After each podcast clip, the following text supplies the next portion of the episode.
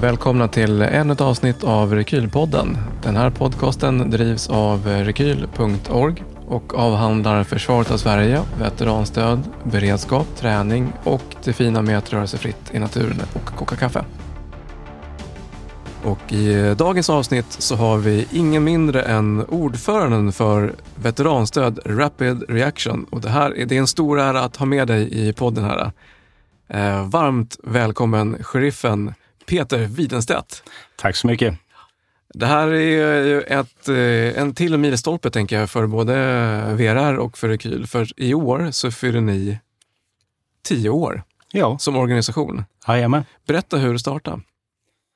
Ja, det startade 2014 och eh, det var tre veteraner eh, som hade en gemensam vän som satt i ett ekonomiskt dilemma. Och då tyckte de, hur svårt kan det vara? Så att de tog hjälp av Facebook och eh, eh, uppmanade folk till att swisha ja, vad, vad, vad, man kunde swisha, så att säga. Vad man kunde betala och bidra med. Eh, och eh, det gick ju långt över förväntan. Och efter det ärendet sen var det ju inte, tog det inte lång tid förrän nästa eh, veteran som hade problem dök upp. Mm. Och sen bara rullade på. Och till slut så insåg de att här finns ju ett underlag för en förening.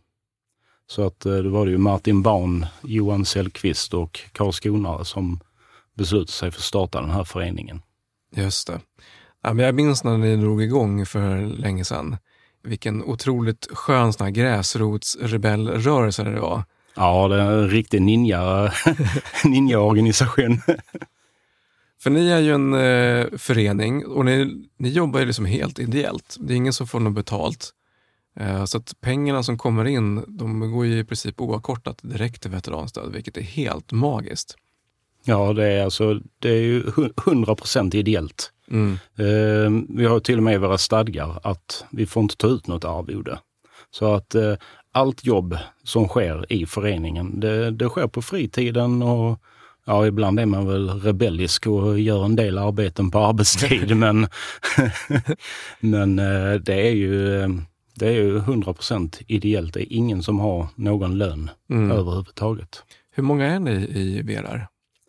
Eh, vi är 13 000 medlemmar, Just ungefär. Just det. Och ja men precis, det är ju ja, det är fantastiskt verkligen. Ja, och vi, vi kan ju vara fler. Mm. Um, för att i våra stadgar så säger de att uh, oavsett storleken på ditt bidrag till föreningen, mm. så har du lämnat ett bidrag så är du anse, as, anses som medlem. Just det. Och, men vi använder vår Facebookgrupp lite som en mätare på mm. hur många som är medlemmar. Mm. så att säga. Men det kan vara fler och det, det kan vara färre. För Eh, som sagt, i och med att vi inte tar ut ett arvode, vi får inte ta ut ett arvode, så kan vi inte ha ett kansli. Och med den så har vi inga medlemskort eller eh, så att säga ett inbetalningskort som kommer på medlemsavgiften, utan där har det blivit en väldigt smart lösning att alla som lämnar ett bidrag är att betrakta som medlemmar. Ja, men det är otroligt obyråkratiskt och väldigt platt och väldigt snabbt sätt att ja. kunna jobba på, tänker jag. Ja, men det, vi, vi uppskattar det själva på Rekyl, att det är, det är väldigt snabba puckar och det, man vet att man får svar väldigt snabbt ifrån er eh, när det kommer till eh, göra grejer tillsammans och så vidare. Men jag tänker också det här med eh, medlemskapet. Det, det vore ju kul om vi kunde bättra på statistiken lite grann efter det här avsnittet också, tänker jag. Ja, men det, det hoppas jag också. Så vi kommer såklart skicka länken var ni ska swisha någonstans eh, så ni blir medlemmar. Jajamän. Hur mycket eh, behöver man swisha för att inte ni ska fastna i något sådär eh, avdrag för swish och skatt och allt vad det är för någonting? Nej, men det oftast, vi, vi brukar uppmana våra medlemmar att alltid stoppa till en tvåa mm. i beloppet som du swishar. Mm. Att vill du swisha en, eh, en tia så swishar du 12 kronor. Mm. En 50-lapp, då swishar du 52. Och det är många som undrar, men varför det? Jo, i och med att vi är en helt ideell organisation, vi är inte kopplade mot något 90-konto eller något sånt där, så får vi ju betala två kronor för varje swish som kommer till oss. Mm, just det. Så att eh, på ett år så är det, ja, med, beroende på hur många som swishar, men den summan kan vara mellan 20 och 30 000. Mm. eh, för ett helt år och eh, då är det de 20-30 000 de gör bättre eh, på annat håll Ja, än hos banken. Eh, exakt, exakt. Och det går såklart att swisha mer än eh, 12 spänn och 52 spänn. Oh ja, oh ja. Eh, för genom åren, det är ju en hel del summor som ni har lyckats slussa faktiskt, vilket är helt makalöst.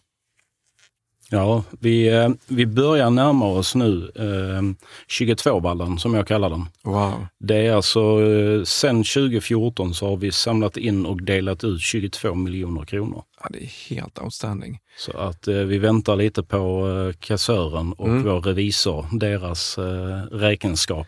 Men man tänker också, för det, här är liksom, det är, det är privatpersoner som går in, alltså såklart en del företag också, men privatpersoner personer som går in och hjälper utlandsveteraner. Och det är liksom helt gräsrotsbaserat det här, vilket Ja. är fantastiskt. Ja, ja Eh, det, är, det är gräsrot hela vägen. Mm, Eh, vi försöker hålla det, det där med obyråkratiskt. Det, det är lite som en, eh, en stjärna för oss. mm, Just att det ska vara snabbt och smidigt. Eh, ibland när vi kom, kommer in ett ärende så hinner man inte ens blinka förrän saker och ting är lösta. ja. Hur kommer ett ärende in? Be- Beskriv vägen in för ett ärende. Eh, för att eh, söka stöd hos oss så måste man gå in på vår hemsida på www.vrr.nu. Eh, där finns en flik där det står för sökande. Och trycker man där så kommer man till ett kontaktformulär. Mm. Och då är det bara att fylla i uppgifterna där och sen skicka iväg. Och då hamnar det hos våra samordnare som sitter och hanterar de här ansökningarna för att vidimera att personen som har sökt stöd är veteran och att, eh, det, att det, är enligt vad våra stadgar säger att det ska vara, det vill säga en, en akut natur av det hela och Mm. att det, är den, eh, det, det finns inga andra lösningar så Mm. att säga. Så att Många tror ju att vi är enkla vägen, men det är vi inte. Vi är den sista vägen. Just det. Eh, Alltså sista anhalten. Mm. När man har provat allting annat och det går på arslet. Det är då man kontaktar oss. Ja, men precis. Ja, det där måste ju vara en balansgång, tänker jag, som Oh, ja. både som organisation att parera, men även som individ att veta så här, när, när har man gjort allting? Ja, ja, precis. Och ibland så kanske inte det är så solklart för oss när vi läser Mm. ansökan, men eh, våra samordnare, de är, det är en bunke fantastiska människor som eh, har en väldigt eh, utvecklad fingerspetskänsla. Mm. Just det. Och eh, ibland kan det ärendena dra ut och det, eh, dra ut på tiden, men det är ju för att de behöver ha in kompletterande uppgifter eller Mm. någonting som, eh, ja, vid första anblick eh, väldigt mysko, men om veteranen får en chans att förklara så kanske, aha, ja, och sen Just det. bara tri trillar det till. Mm. Ja, men Så faller alla pusselbitarna på plats. precis.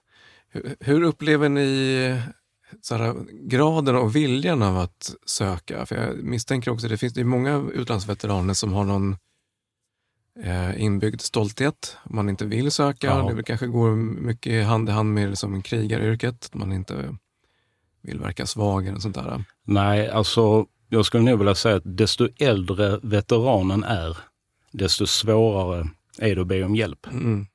Och jag tror det har lite med kulturen att göra Mm. eh, inom Försvarsmakten. Alltså om, om man tittar på 60-talet, eh, 70-talet, eh, allt från Kongo, eh, Libanon, eh, Cypern och de här.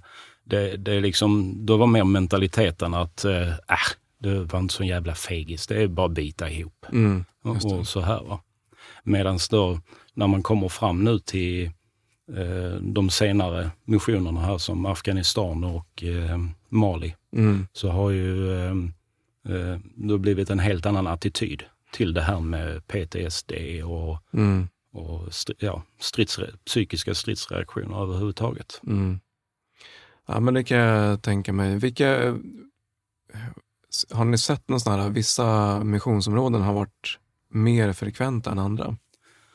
Ja, det, alltså det är ju främst Balkan och eh, missionerna i Balkan. Mm.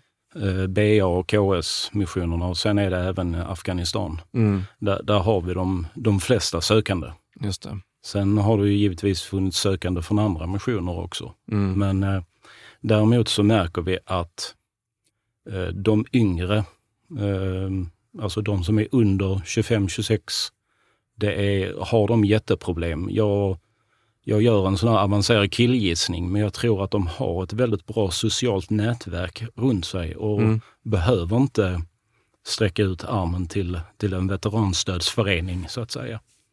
Just det. Är det någon skillnad? Jag tänker förr i tiden, då, ehm, då var det ju frivillig verksamhet i princip, alla utlandsmissioner. Mm. Att man, eh, man sökte dit. Medan efter ett tag när vi fick en yrkesarmé så då blev man eh, stationerad på olika ställen. Mm. Är det någon skillnad också i att det är kanske de som eh, är mer yrkes, att där finns det ett nätverk som tar hand om en? Ja, det, det är...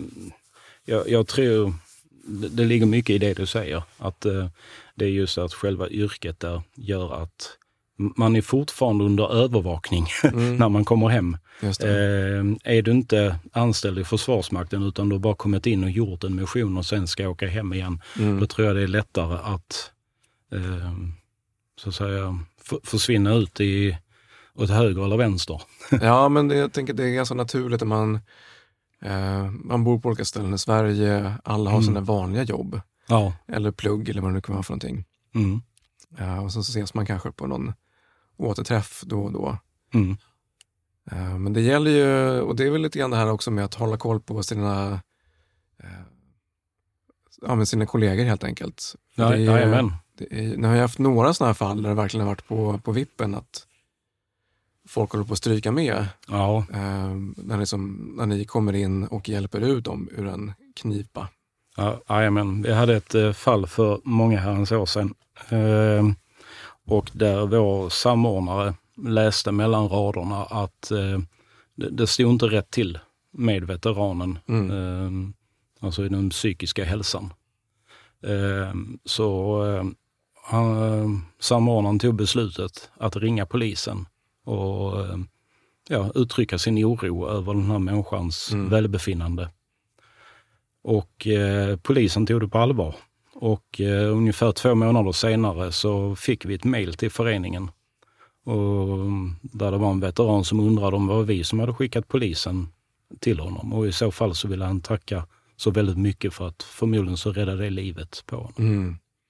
Ja, man tänker, de som inte har det nätverket, det är ju, Mm. det är ju många veteraner som tyvärr stryker med Ja, på grund av självmord och motsvarande. Att, eh, ja och där, där ser jag en liten återkoppling till det här, de äldre missionerna. mm, Att eh, det var mer vanligt att när man har gjort missionen så skingrades alla. mm, I, I och med att Försvarsmakten är inte så stor idag så blir det att man har en tajtare kontakt, just det. så att säga.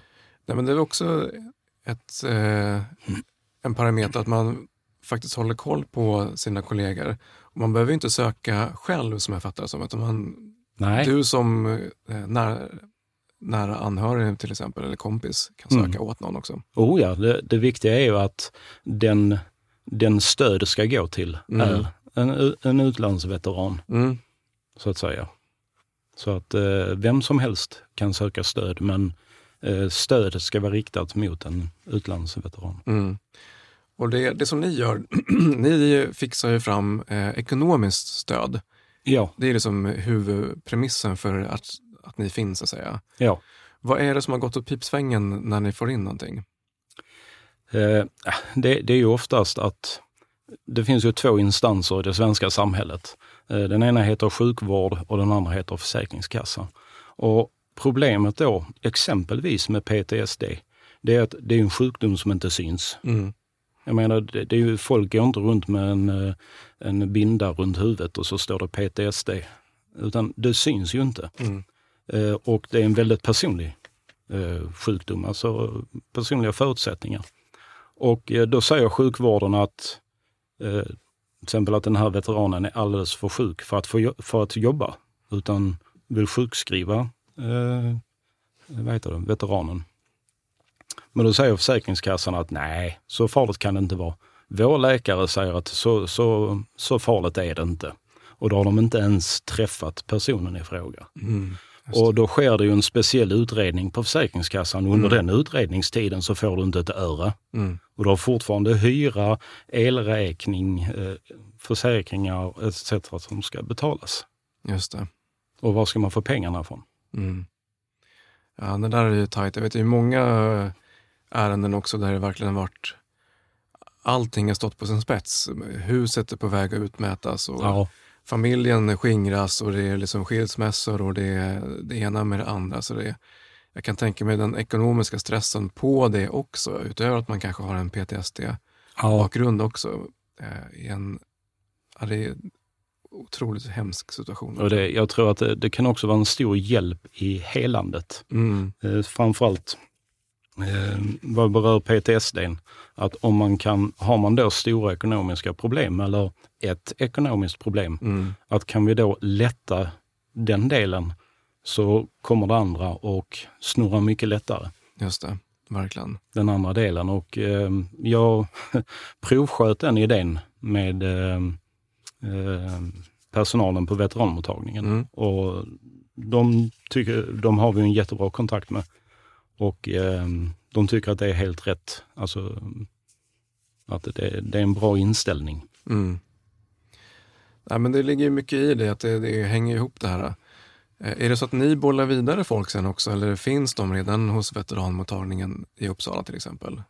Ja, en, en del är ju inskrivna på veteranmottagningen, Mm. men sen veteranmottagningen kan ju inte behandla alla eh, sjuka i hela Sverige. Mm. Utan det är ju väldigt många som kommer in, gör en liten sväng där och sen blir de återremitterade till, sin, eh, till den lokala sjukvården hemma eh, på sin hem, hemort, Mm.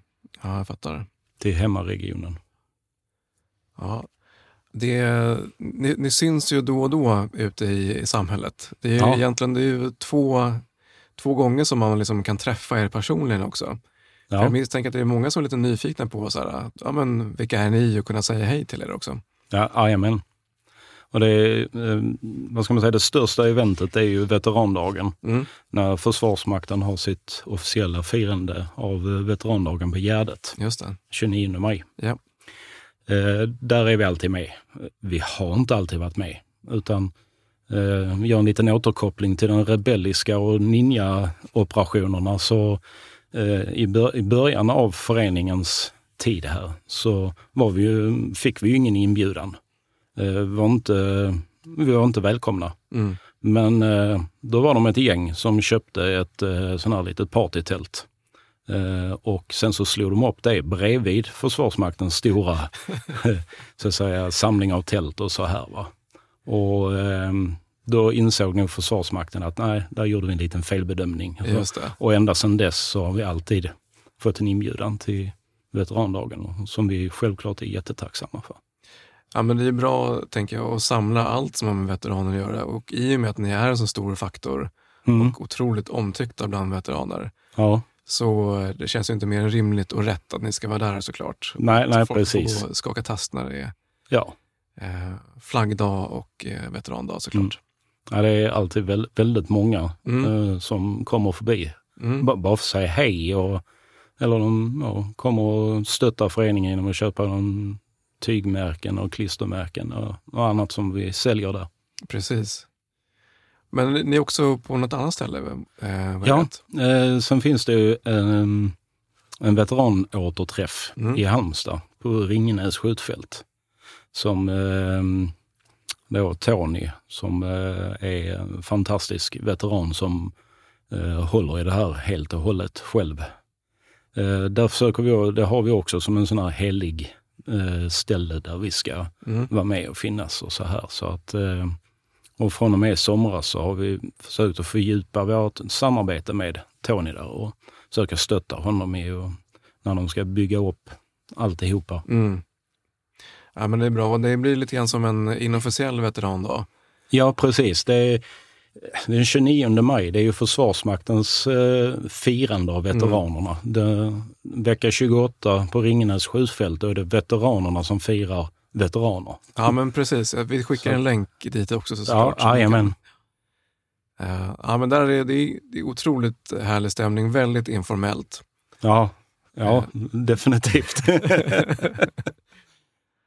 där kan man, man behöver liksom inte klä upp sig för att vara där, även om man får Nej. det såklart. Men ja, oh, folk ja. kommer dit i det är tält och det är husvagn och det är ja, ja. så bara sover man in. Man kommer långt med t-shirt, shorts och foppatofflor. Ja, ja. ja, det är kul. Vad sa du, vecka 28 var det va? Ja, torsdag till söndag, vecka 28 är varje år. Precis när industrisemestern börjar, är inte det? Ja, det är väl andra veckan andra i veckan. juli. Just det, det stämmer. Mm.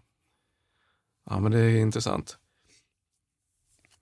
Men jag tänker framåt också då. Vad, vad ser du för eh, spaningar eh, för veteranstöd framåt. Nu är vi ju en mix utav värnpliktsförsvar och yrkesförsvar och deltidsförsvar. Eh, och snart kanske vi går med i NATO, vem vet? Eh, men hur som helst så börjar det röra på sig lite här var och vi, hemvärnet till exempel och andra delar av försvaret har varit med i Interflex. Eh, hur, hur ser det som er spelplan ut framöver? vi har väl en liten plan här på att vi ska se över alltså våra stadgar om vem som kan söka stöd hos mm. oss. För att vi har ju insett eh, det här med NATO, mm. att det, det, det, är inte frågan om, det är frågan om hur många mm. som kommer att vara utomlands eh, placerade. Mm. Eh, och eh, likadant nu här med, med hemvärnet. Ehm, ska det räknas som en internationell tjänstgöring att åka till England, utbilda då en, en tredje nations eh, mm. soldater, så att säga. Eh, jag personligen tycker att det är ett solklart fall, men mm. eh, eh, vi behöver bottna i det mm. så att eh, det inte blir en lucka som eh, täpper till eh, för en specifik kategori av folk eller något sånt. Utan det, det, krävs ett ganska omfattande arbete där. Ja, men, ja, men det är fullt Men det, det, ligger i startblocken, gör det. Mm. Nej, och det är ju bra att börja i tid för det är mycket som rör på sig i olika riktningar. Ja, det, jo men det, det gäller ju att ha en bra stridsplan. Ja. För det är liksom från, från när första stridskontakten kommer, så är det bara stridsledning som gäller. Så ja. att det, är, utan eh, det gäller att vi nu börjar mm. alltså måla upp så att sen när om det kommer in ett ärende så behöver man inte fundera så mycket utan då finns det, mm. då finns det en sop för det. Ja, men precis. Vi får en hel del eh, förfrågningar om att stödja Ukraina-veteraner, alltså frivilliga som är nere i Ukraina. Mm. Och ja, vi, vi, tänker hela tiden på er modell där man verifierar att ja, det här är den personen och den har varit på det här och det här stället. Mm. I ert fall så är det mycket, mycket enklare för att ni kan ju kontakta eh, den som varit ansvarig för en mission till exempel. Ja. Allt det här är ju loggat och det blir ju eh, alltså det blir väldigt mycket marigare när någon mm. har varit nere i Ukraina såklart. Men vi försöker få folk att modellera er bild. Det vill mm. säga att man försöker att eh, kvalificera någon. För ni, jag misstänker att ni, kommer, ni får ju också en hel del lycksökare som Jajamän. försöker få pengar för att de har sett att andra har fått pengar. Att, ja. Men det, det, alltså det är ju våra samordnare. Det är alltså vilka hjältar. Alltså mm. de, är, de är grymma. Eh, givetvis så kollar vi upp den som har sökt. Mm. Eh, vi har inga hemliga register utan allting, vi, alla sökningar och sånt vi gör det är helt i, i, i öppna register. Ett sånt öppet register eh, bland annat heter Facebook. Mm. Alltså, det är skrämmande vad man kan få reda på om folk bara genom mm så att säga, Facebook. Så att eh, det är ju det, är ju det som, ja, är man lite eh, osäker på om det verkligen är en veteran. Mm. Eh, du kan ta vilken veteran som helst och så frågar man dem, eh, men vem hade du i din grupp? Mm. Och de bara, blab, de bara rabblar upp alla. Mm. Och till och med gruppen bredvid och, och den andra plutonen ja, och så här. Va? Men de här lyckosökarna, de, de, de kan ju inte ge namnet på någon. Nej, precis. Ja, men där gallrar ni såklart ganska hårt ja. initialt. Därför den biten tänker jag, när vi får in de här frågorna, att det, det, den är den svåra biten. För att eh, det är svårt att verifiera vilken brigad eller eh, bataljon har man hängt ja. på. Ja. Och kontakt, eh, uppgifter och liksom vem, vem har varit befäl och så Det kan de- dessutom vara se- sekretessbelagda uppgifter också. Garanterat att det kan vara. Så är det ju. Så att den, eh, ja, nej men, eh, och vi kan ju stänga den här, men de som åtminstone eh, går och bär på den här idén om att försöka hjälpa Ukraina frivilliga Ja. kan ju ta lite, lite rygg på vad ni har gjort och hur ni jobbar. Ja, Jajamän. Ehm, för jag tycker er modell är, som du säger, den är obyråkratisk och eh, oftast rättvis. För Ja, det, är, det är oh ja. lätt att kolla. Ja. Ehm, ja, men intressant. Vad, eh, vad tänkte jag är, hur ser eh, hur ser tillströmningen ut på ett år för er? Har det liksom avtagit eller eh, ökar det? Eller? Ja, Jag skulle vilja säga att sen eh, covid-pandemin Mm, så har det sakta avtagit. mm, Inte stora steg, men eh, eh, precis innan pandemin så låg vi väl ja, runt ett 80-tal ärenden, mm, alltså godkända ärenden mm, eh, per år. just det. Ehm, och nu så ligger vi runt ett 60-tal kanske. Mm, Så att, eh, och, och för, nu förra året så tror jag vi stannade på 49 eller någonting sånt. just det. Undrar hur det kommer sig egentligen, att det st- Ja, stannar av runt pandemin där. Ja, Jag brukar skämtsamt säga att ja, nej, men veter, eh, antal veteraner som behöver hjälp har kanske tagit slut så vi kan lägga ner föreningen. Ja. Men det vore väl en utopi att tänka Ja, någonting exakt. sånt. Nej, för där är ju tricket också, vissa de, de dyker ju upp långt, långt senare med en problembild. Eh, Ja. Det behöver inte vara så här, ett år eller fem år efter en insats, utan det kan vara Nej. ganska långt efter. Ja, Jajamän.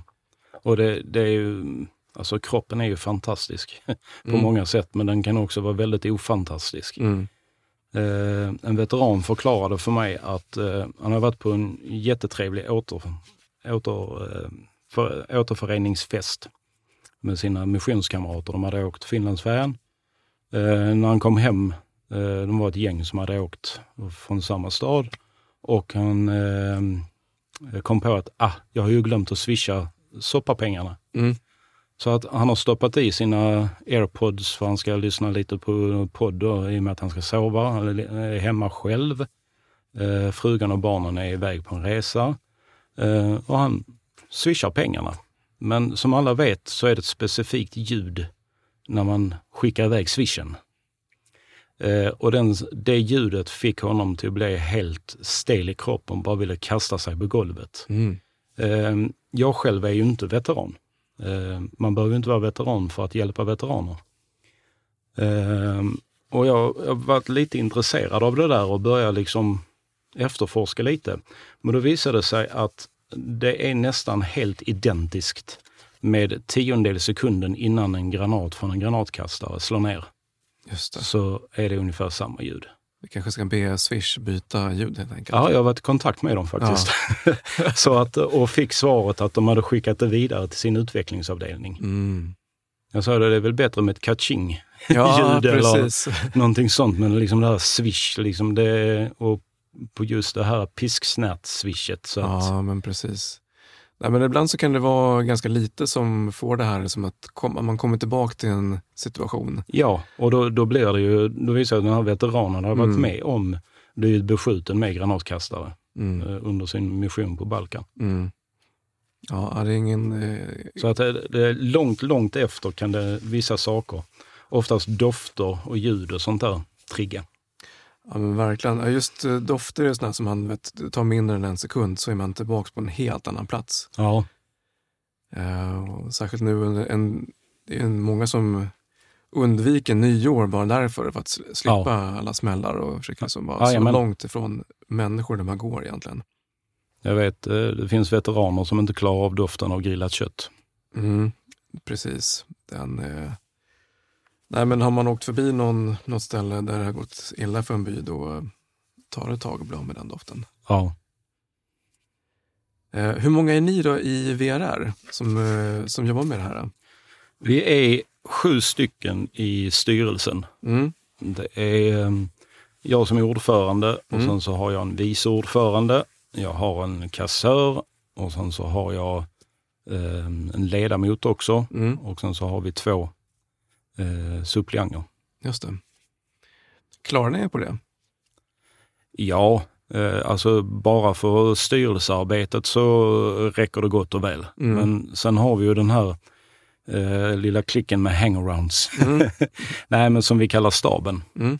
Eh, det är ju folk som hjälper oss att, att köra föreningen. Eh, åker iväg på event. Mm.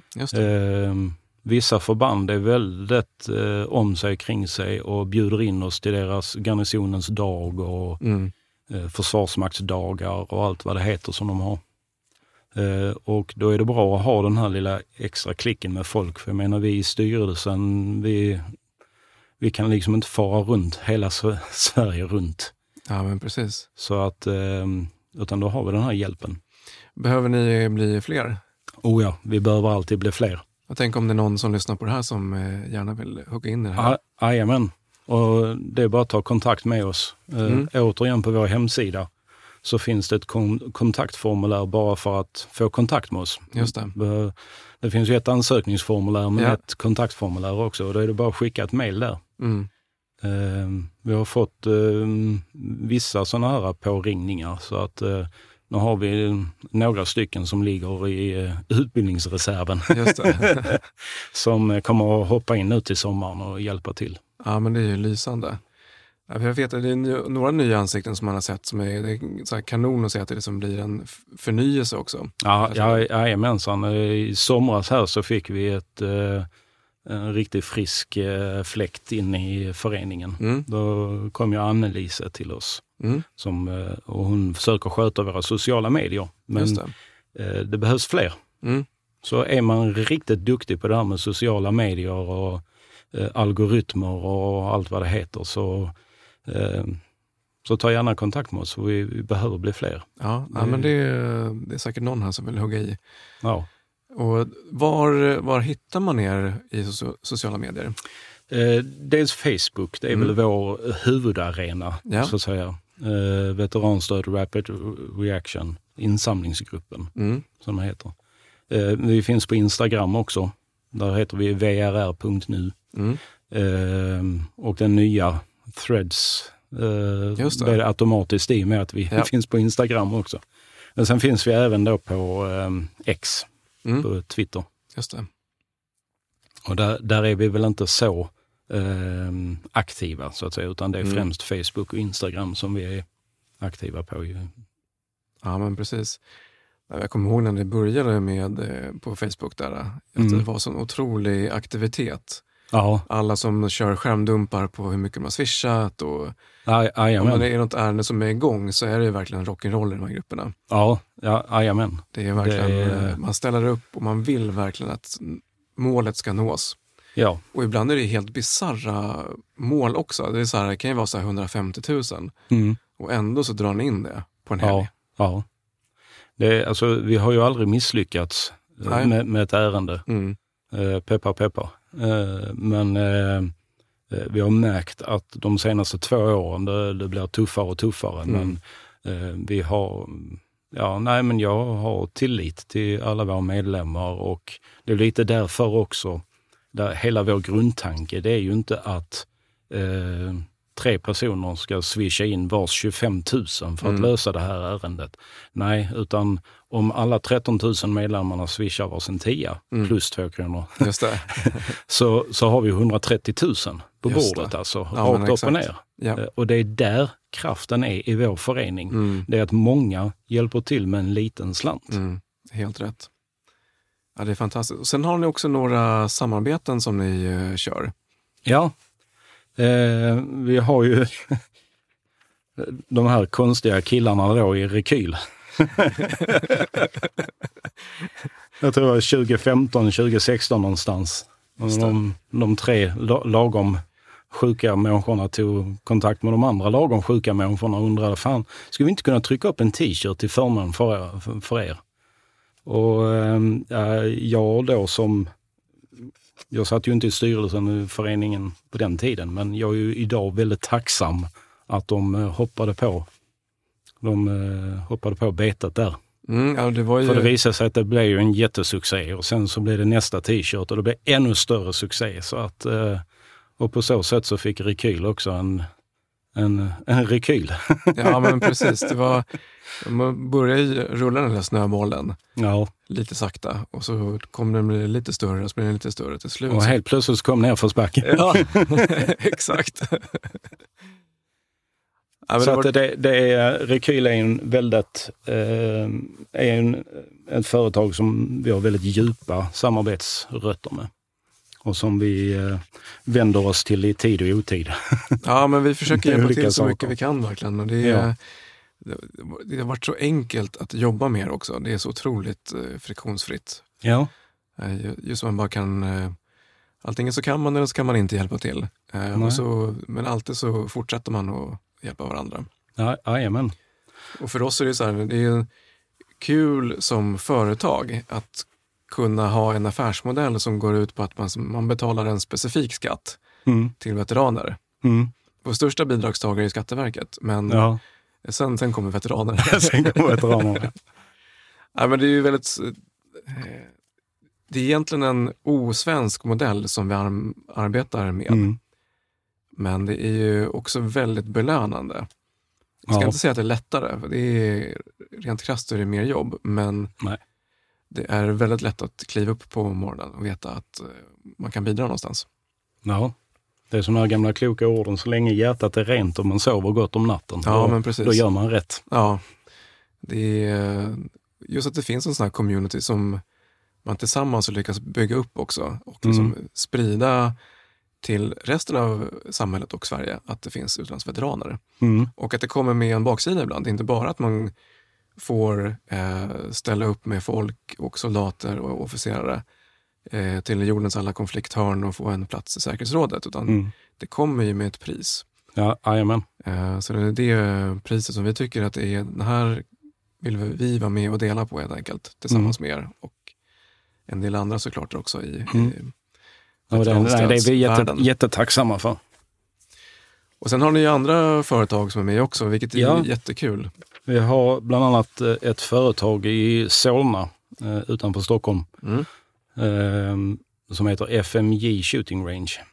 Eh, som också stöttar oss. Eh, de har varit med lite mer än ett år nu. Mm. Där, vi for, där vi försöker hitta lite vägar på hur vi ska fördjupa samarbetet. Mm. Men precis som det låter i namnet så är det ju liksom en skjutbana ju och pang pang och veteraner, det, det hör rätt bra ihop. Ja, så men det gör ju det. Vi skickar en länk dit också såklart. Ja, men. Sen har vi ju eh, även eh, en, eh, en veteran som han har ett företag då, patrull.se, mm. där han har, försöker trycka upp eh, saker och ting då eh, för veteraner. Mm eh, veteran-t-shirtar och sånt där som eh, han har hjälpt oss lite grann med klistermärken och sånt tidigare. Men sen i somras nu så har vi dykt ännu djupare. Så att eh, han har ju planer på att starta en fond där mm. en viss del av avkastningen ska gå eh, till VRR. Just det. Så att eh, det ska bli spännande att se mm. i framtiden. Ja, men ju fler som hjälps åt, desto bättre. Ja, ja precis. Och sen hade vi ju i i somras, eller ja, somras, i våras var det ju, så var vi kontaktade av Bauer Systems, alltså gamla Hägglunds. Mm. Så att de ville också vara med och bidra till vår förening. Mm. Och det gör de genom sitt, eh, nu kommer jag inte ihåg det exakta namnet, men det hade ju med 22 att göra. Och alla som är med i veteranvärlden vet ju att 22, det har en väldigt stor betydelse eh, i veteranvärlden. Det är alltså antalet veteraner som begår självmord varje dag. Just det. Ja, men precis. Eh, och sen eh, har vi ju även då eh, gjort ett, ett litet, eller ett litet, vi, eh, det finns ju en stiftelse, Jesper Lindbloms minne. Mm. Och eh, de hade ju en idé då om att skapa ett eh, ett, eh, vad ska man säga, en mötesplats mm. för veteraner och anhöriga. Mm. Och ehm, ja, vi eh, tror på den idén till 100 procent. Mm. Så att vi har ju ett väldigt nära samarbete med, ehm, med stiftelsen. Där. Ja, men det ska bli superspännande att se var det tar vägen någonstans. För ja, det är mycket som är färdigfinansierat. Ja, oh ja. Och jag tror att vår, vår stora roll i det här det är att hjälpa veteraner att kunna komma till det här centret. Ja, men verkligen. Så att, eh, men, eh, och vi har blivit erbjudna att ha kansli på platsen, men mm. Då är vi åter där igen. Vi får inte lov att avlöna folk, alltså kan vi inte ha ett kansli. Ja, just det. det är... Ni får ha en brevlåda och kanske en, ja. ett skrivbord där. Men däremot så är det kanske en framtida plats för att ha våra årsmöten. Ja men precis, och det så kan säkert dyka upp, mm, vi snackade tidigare om veterandagen och om ja. Eh, ÖS och sådär. Ja, jajamän. Men det kan ju dyka upp eh, ännu fler tillfällen. Ja, jajamän. Har några grejer där till exempel. Ja, jajamän. Och var, var var det någonstans geografiskt det här? Eh, det är utanför Upplands Väsby. Mm. Eh, nu kommer jag inte riktigt ihåg vad sjön hette, men eh, det ligger på en sagolik plats eh, in till en sjö. Mm. Och det, det. Det, det kommer att bli magnifikt. Camp Valkyria ska Precis, det heta. Precis, Camp Valkyria. Ja. Ja, men det, det där hoppas vi tar vägen på något bra sätt verkligen. Ja, ja nej, men det, det hoppas vi också. Mm. Och det är, jag tror det är någonting som verkligen behövs. Det tror jag med, för det är de som eh, jobbar nu till vardags i Försvarsmakten, de, de tillhör mm. ju något ställe, men alla som inte jobbar till vardags men har gjort utlandstjänst, ja. eh, de är ju spridda vind för våg. Ja. Så för dem att kunna samlas på det här stället är ju fantastiskt, tänker jag. Mm. Ja, oh ja. Plus att man kan hitta på massor med temadagar med andra organisationer och mm. ha utställningar och så vidare. Jajamän. Mm. Jajamän. Alltså ni får väl ha en liten eh, sovhytt där istället då? Så ja, ja, ja, precis. precis. Det, de, de, det, hela Camp Valkyrie, det, det ska även vara övernattningsmöjligheter på platsen också. Mm. Där, så att det, vi kan nog, ja, i värsta fall får vi väl be om två träd och så får vi knyta upp en hammock. ja, men det är fantastiskt att se hur hela veteranrörelsen faktiskt har växt de ja. senaste tio åren. När ni startade oh ja, oh 2014 så mm. var det, jag ska inte säga obefintligt för det fanns ju, men det var inte jätteomfattande i alla fall. Så Nej, och jag tror också mycket med omvärldsläget nu idag mm. eh, gör att den här veteranfrågan, den, den har verkligen kommit upp på bordet. Mm. Det, det, har varit innan någonting man har eh, skuffat undan lite längst bak i skåpet. Ja, men, men, men, nu med det som händer runt om i världen så det går inte att blunda längre. Nej. Nej, och där märker man ju på en del länder i Europa till exempel som varit med mm. i andra världskriget. Där finns det en historia och tradition av att ja. hedra och hylla veteraner. Mm. Och sen så är Sverige ett av få länder som inte var med aktiva i det här. Nej. Så vi har ju inte haft den.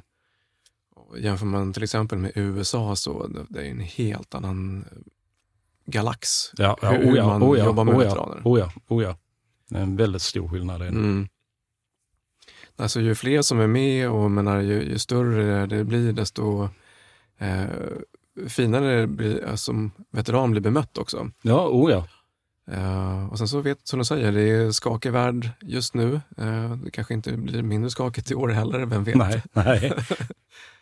um, så det är, finns alla möjligheter att kunna som, bygga upp det här bra från start. Ja. Men du, jag misstänker att ni har sett på en himla massa bra och dåliga erfarenheter. Kan du ta några sådana här bra exempel på när ni verkligen har nått i mål med någonting som ni trodde var eh, omöjligt? Ja, eh, vi hade ju en... Eh, ja, det, ärendet var ju inte så stort, men det var ju ganska så gripande ärende. Mm. En eh, en, eh, en äldre herre, då, en veteran, en Kongo-veteran.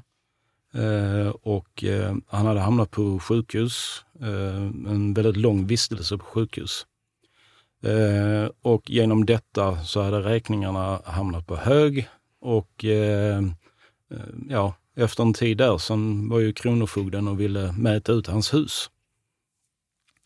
Eh, veteranens dotter hjälpte då eh, Kronofogden att öppna huset så de kunde få komma in och titta. Och då var det en av eh, Kronofogdarna där som upptäckte då att det på en hylla där så fanns det medaljer och en ljusblå basker. Mm. Så han frågade ju dottern där om att, är din far veteran? Ja, sa hon. Ja, men då, då ska du få kontaktuppgifterna här till en förening. Eh, så ta kontakt med dem för jag tror att de kan hjälpa er. Mm, Och det var ju kontaktuppgifterna till oss. just det. Så att i utbyte mot den lappen så lovade han att han skulle försöka förhala ärendet. Mm. Och eh, det tog knappt 24 timmar så ärendet var strax över 100 000. Men det. Wow. då var allting betalt. Det där är verkligen magi. Ja, Men då, men då har han varit i kontakt med er sedan tidigare misstänker jag.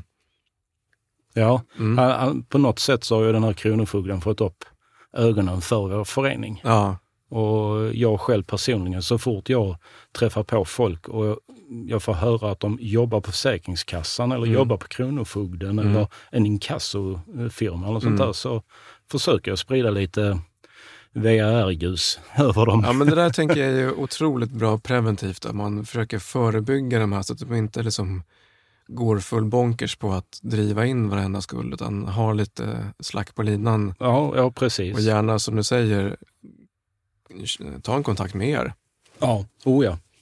Om det är en veteran som är inblandad. Det är inte alltid de vet om det såklart. Nej. Men bara att de har det på radarn, att eh, de vet om att eh, det finns en sån här organisation. Och det här är ganska unikt. Man tänker, det är ju, eh, vet, ni har säkert fått frågan också, men vi får det då och då. Finns det någon liknande för poliser eller finns det för Ja, räddningspersonal? de, eller alltså de, de kan ju söka stöd hos oss. Mm, Eh, beroende på att i våra stadgar så står det ju inte specifikt att det är Försvarsmaktens personal, Mm. utan personal som är utsänd av svenska staten på en internationell insats. Och det Mm. behöver inte ens vara en FN-insats. För eh, man tittar insatsen på Balkan, det var ju en NATO-insats för att framtvinga fred. Mm, Så att, eh, utan att, att insatsen är sanktionerad av den svenska staten. Så att vi har ju även folk ifrån eh, som tjänstgjorde under dåvarande MSB, Mm. Nej, men, som åkte ner och försökte hjälpa till att bygga upp eh, olika delar av Balkan igen, mm, då efter kriget. Där. Så att, eh, och även poliser, åklagare Mm, och kustbevakning är även sådana som har rört sig ute i internationella vatten. ja, men De kan också söka stöd hos oss. Vet de om det i samma utsträckning eller är det som en liten eh, Ja, alltså dold? polisen vet om det. Eller Mm. rättare sagt att det är ju rätt polis om man springer på på, den, på veterandagen. Mm, Så man kan stoppa en näve broschyrer i näven på mm, dem. just det. Eh, träffade en eh, tjej där från polisen. Hon var tydligen ansvarig för placering av poliser utomlands. Mm. Så det var perfekt. Ja, men precis. Ehm, och tullen är också Mm. med där på veterandagen. Ehm, kustbevakningen, de lever väl lite i förnekelse av att de har inga veteraner. Mm, Ehm, och de har ingen som mår dåligt. nej. Och då får vi väl hoppas på att det är så. Mm, Men eh, hur som helst, om de har veteraner eller inte, de, de, är väl, de som faller under våra kriterier är ju välkomna att söka. mm. Verkligen. Ja, men då vill man veta mer om det här så går man ju såklart in på eh, vrr.nu och läser om det också. Jajamän, där det kan finns man all ju göra inte bara som veteran utan som eh, kompis eller bara all- allmänt nyfiken. Ja, ja, man behöver inte vara veteran för att hjälpa till. Nej, För jag menar, ger man pengar till Stadsmissionen för att hjälpa till exempel hemlösa, du behöver ju inte vara hemlös för, själv för Nej. att hjälpa hemlösa. precis. det här är väldigt... eh, och där får vi ju frågan också, så här, kan man köpa era t-shirts om man inte är veteran? Ja, det kan man göra. Det- det funkar. så det är ju ett sätt liksom att, att hjälpa Ja. andra helt enkelt. Men ofta så underlättar det om man är veteran för att förstå meddelandet på t-shirtarna. Så, så kan det mycket väl. Det ligger någonting i det. Ja, för fan. Ja, det är otroligt bra att ni finns som kraft. Jag tänker det är också bra för hela Sverige som att kunna ta rygg på en sån här typ av organisation. Om man nu är Mm. nyfiken på att, vad vet jag, kanske stötta en annan grupp människor. Ja, Eh, sen så ligger det väl kanske i sakens natur att det är väldigt tajt sammanhållning mellan veteraner och eh, folk i, i det militära. Såklart. Oh ja. Oh ja. Eh, man ser att polisen börjar få liknande syst- eh, säga, ja, system eller åtminstone Mm. organisationer också. Ja, just det här att se, se efter varandra. Mm. Och inte bara under själva tjänstetiden utan även utanför. Ja men precis, och där kommer jag ihåg ett, eh, fan, ja, det var ju hemskt när eh, den här polisen blev skjuten i eh, Göteborg. Ja. Eh, men då var han ju också veteran. Ja. Eh, och det gjorde ju också att man kunde steppa in, eh, där både VRR och vi på Rekyl här gick in Ja. tillsammans med andra och hjälpte till. Och det är också en sån här grej som man inte, det finns liksom inget manus för sådana typer av händelser såklart. Nej, och där, där gick vi väl lite utanför, alltså våra skjutgränser. Mm. För jag menar, eh, utan det var väl mer att göra en, en, en insats för veteranens barn. Mm, precis, Och just på grund av att hela händelsen var så fruktansvärt Mm. brutal. verkligen. Ja, ibland så blir det så att man behöver improvisera lite grann. Mm. Ehm, men det är också just det att det, man kan kliva utanför ramarna ibland bara för att kunna lösa ut skit som behövs Ja. lösas ut. Ja, ja, precis. Det bara liksom make shit happens. Ja, exakt.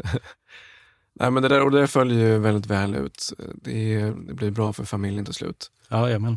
Eh, tillsammans med eh, många andra som har hjälpt oss på vägen med det här. Då, liksom att eh, Oh ja. rigga det här.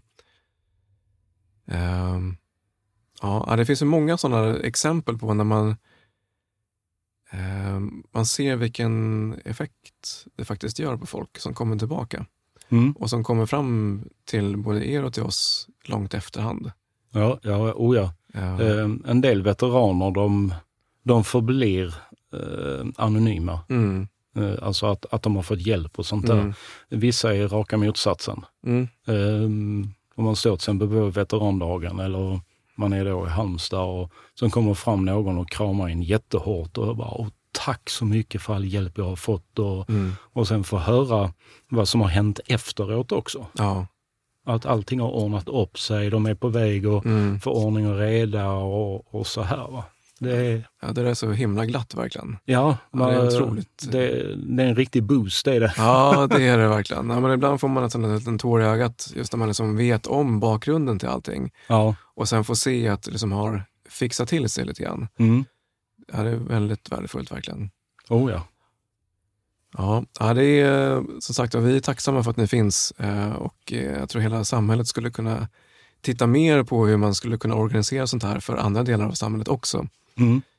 Eh, och få inspiration för hur ni jobbar. Det är otroligt värdefullt. Nej, just det här att man är, att man är en rejäl klick människor. Mm. Och I och med att allting har blivit mycket dyrare idag. Mm. Men en tia är fortfarande en, en enkel summa att kunna skjuta till.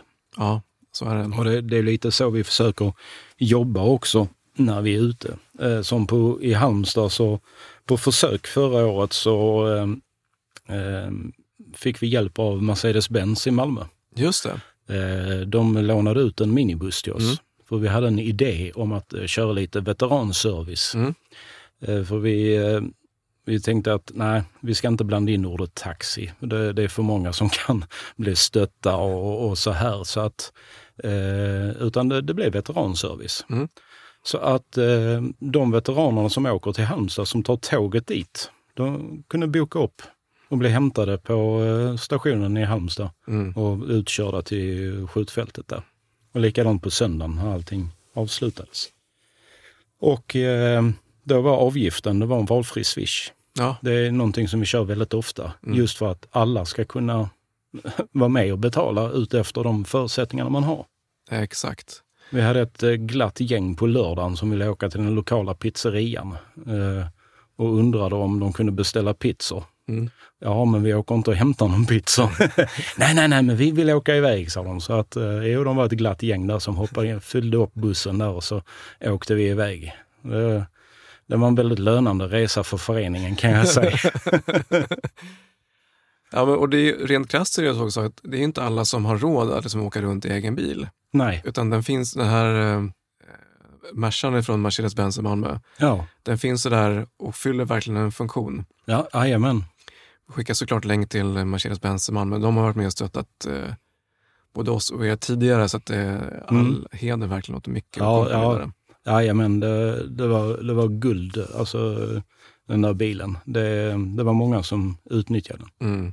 Apropå Swish, det, är en, eh, det finns en kultur som heter att böta. Berätta om den. Ja, Ja, alltså det härstammar rätt så långt tillbaka i Försvarsmakten, eller ja, framförallt på utlandsmissioner. Att eh, om man bryter mot någon regel så måste man ju betala böter. Mm. Och eh, då fanns det ju en massa olika regler som till exempel man fick inte ha mössa på sig på mässen eh, och så vidare. Utan när man eh, hade gjort någonting så, ja, så, skre, så skreks det ju bot. Så att eh, då fick man ju betala böter. Men det, det beteendet har ju kommit med in i vår grupp. Så att eh, ibland så kan det vara till exempel fredag kväll. Så är det någon som sitter, ja här sitter jag framför brasan och har så jäkla bra, ah, jag skickar en bot på det, för så här bra får man inte ha det. så man kan få böter på de mest otroliga. Ja, det där brukar ju spåra ur. Man ser just ja. på fredag, lördag kvällar så blir det väldigt många spontanböter. Ja, ja, oh ja. Och bara, bara för att du har fått böter så bötar jag för att du bötar. Ja, exakt. Och så fortsätter det. Ja. ja, men det, är så här, det är en skön kultur att bara spina vidare på och den eh, gynnar er såklart också. Oh ja. För då brukar ju folk skärmdumpa där, så står det fredagsboten. Ja, jajamän. Och så eh, ert eh, swishnummer på den där. Ja, jajamän. Ja, det är grymt. Ja, men det har varit grymt kul att ha haft med på den här podden.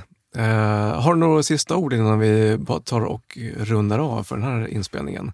Ja, ehm, jag ska bara rikta ett eh, varmt tack till alla våra fantastiska medlemmar som gång på gång levererar så att vi kan skicka ut stöd till, till de som behöver det. Och ett varmt tack till de företagen som stöttar oss och som eh, eh är med eh, på det galna tåget.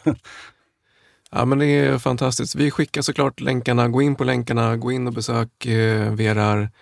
Eh, gå in och bli medlem. Det kostar alltid från 12 eh, kronor och uppåt som ja. medlemmar. Och, eh, efter egen kapacitet. Efter egen kapacitet, verkligen. Och så sprider den här till nära och kära och arbetsplatser och så vidare. Tack ska ni ha. Tack. Och en eh, liten heads-up här då. Nu har vi eh, snart kommit in här på eh, vintern, våren och då vet ju alla att det är dags att släppa biljetterna till årets Para-Endurance Race som går i Karlsborg i september. Så att se till att hålla utkik i våra kanaler eh, när biljetterna släpps. Det kommer bli ett fantastiskt genomförande även i år. Sen har vi också First Responder som vi den här gången kommer köra i Jönköping och eh, datumet är 23 mars. Och det är för att samla upp alla er som bor i södra Sverige, för Jönköping ligger ju nära många städer och orter. Och den här gången så har vi än en gång äran att ha med oss Dr. Rickard Ornell som huvudinstruktör. Så att eh, spika in 23 mars i kalendern. Passa på att eh, prenumerera på podden och tveka inte att ge den betyg. Det här gör det enklare för andra att hitta hit. Eh, länkarna från avsnittet hittar du i show notes och oss på Rekyl hittar du på rekyl.org. Och till sist, se till att öka din handlingsfrihet genom att ge dig ut och träna. Tja!